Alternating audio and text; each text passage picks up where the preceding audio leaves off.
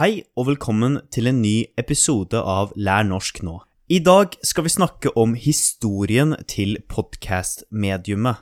Altså hvordan vi plutselig fikk det vi i dag kjenner som podkast. Før vi begynner, vil jeg bare kjapt si at det er mulig å støtte podkasten med en donasjon via PayPal eller ved å støtte meg på Patrion. Podkasten tar mye tid å lage, og disse donasjonene hjelper meg derfor veldig. Dere kan se lenker til begge i deskripsjonen. Nå, la oss starte.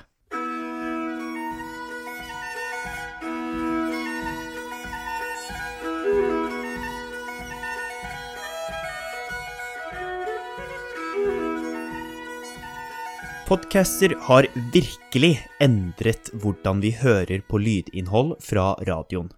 Det er en unik måte å fortelle en historie, til underholdning og til å lære.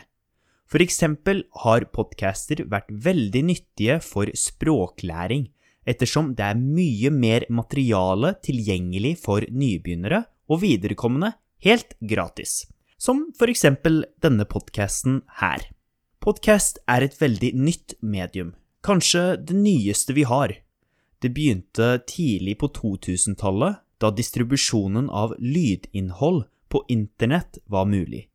Altså, å produsere podcaster var avhengig av utviklingen av internett, ettersom det er slik podcaster blir lasta ned og spres. Podcaster begynte med at journalisten Christopher Lidden og programutvikleren Dave Winer spilte inn og publiserte lydintervjuer på nettet i 2000. Dette formatet førte etter hvert til opprettelsen av det som nå er kjent som den første podkasten, Radio Open Source. Dave Winer utvikla RSS, eller Really Simple Syndication, en teknologi som blir brukt til å publisere podkast-episoder. Men uttrykket podcast oppsto først i 2004, da journalisten Ben Hammersley kombinerte ordene iPod fra Apple og broadcasting, sending. Navnet ble populært og blei brukt av flere og flere. Navnet podcast gjorde også at vi begynte å tenke på podcast og bærbare enheter sammen. Dette skulle bli viktig da de første smarttelefonene ble tilgjengelige. Da var det mulig å ta med seg podkastene sine overalt man gikk. Apple spilte en viktig rolle for gjennombruddet til podcaster, altså at podcaster ble populært. I 2005 introduserte Apple støtte for podcaster i iTunes, en av de første sentraliserte plattformene for podcaster. Dette bidro betydelig til populariteten til podcaster.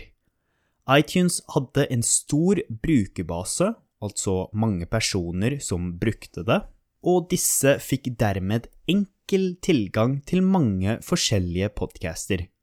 Men det var først i 2012 at det virkelig tok av. I 2012 lanserte Apple sin podcast-applikasjon for iPhone og iPad. Dette gjorde det veldig enkelt å laste ned og høre på podcaster. Mens podcaster økte i popularitet, dukket det opp mange nye programmer om mange ulike tema. I 2005 ble det britiske The Ricky Gervais Show en av de første podkastene som nådde et massivt globalt publikum. Den begynte som et radioprogram, men utvikla seg til å bli en podkast i 2005. En viktig grunn til at den gikk fra radio til podkast, var for at skaperne skulle ha større kontroll over innholdet sitt. Med podkast kunne de selv bestemme hvordan de ville publisere innholdet sitt. Andre populære tidlige programmer som Serial, This American Life og Radiolab var med å øke populariteten til podcaster. Jeg har særlig lyst til å trekke fram true crime-serien Serial fra 2014. Den var med å lansere en ny sjanger, nemlig true crime-sjangeren, og det var utrolig populært. Mange, utrolig mange, begynte å høre på denne podkasten, og det var også med å øke populariteten til podcaster generelt. Jeg husker at jeg selv også hørte på første sesong av Serial ikke lenge etter at den kom ut i 2014. Det var en utrolig spennende podkast, og jeg kan anbefale den til alle som liker true crime. Podcaster ble enda mer populære ved spredningen av smarttelefoner, forbedret internettforbindelse og fremveksten av dedikerte podcast-apper. Alt dette gjorde at vi fikk en podcast-boom på 2010-tallet. Lyttere fikk tilgang til mye mer innhold og mange nye podcaster. Fra true crime og komedie til nyhetsanalyse og historie. I denne perioden ble også podkast-nettverket som Gimlet Media og Radiotopia etablert, som tilbød støtte og ressurser til uavhengige podkastskapere.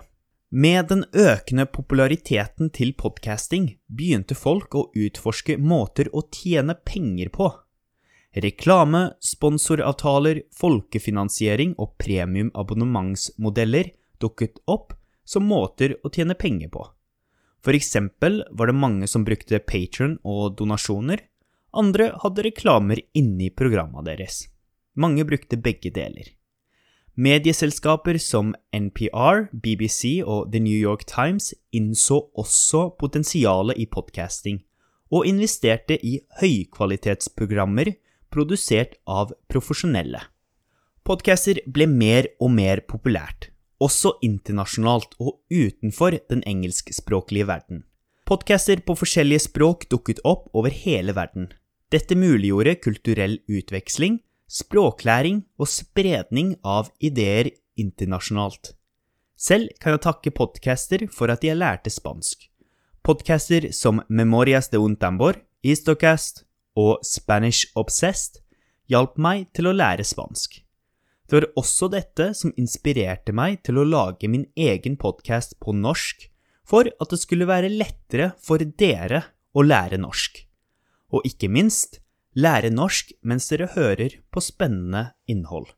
Siden har podcaster bare blitt mer og mer populære, og strømmingstjenester som Spotify og Apple Podcasts har investert mye penger i produksjon av podcaster. De tilbyr eksklusivt innhold og utvider tilgjengeligheten til mediumet. En fare med dette er at mange podcaster plutselig blir utilgjengelige via en betalingsmur. Altså at du bare kan høre noen podcaster på Spotify og andre bare på Apple Podcasts, og at du må betale Apple og Spotify for å høre på disse.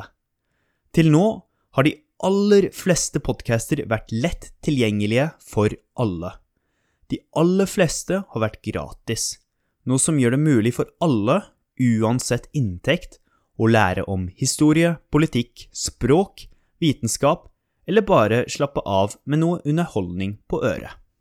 Fra beskjedne begynnelser som et eksperimentelt lydformat til dagens status som et populært medium, er historien til podcasting preget av kontinuerlig innovasjon og utvikling. Podcastlandskapet fortsetter å vokse, med nye stemmer, sjangre og teknologier som former fremtiden for lydinnhold. Podcaster blir stadig mer integrert i våre daglige liv, og med det et stort potensial for utdanning og underholdning på tvers av landegrenser. Takk for i dag.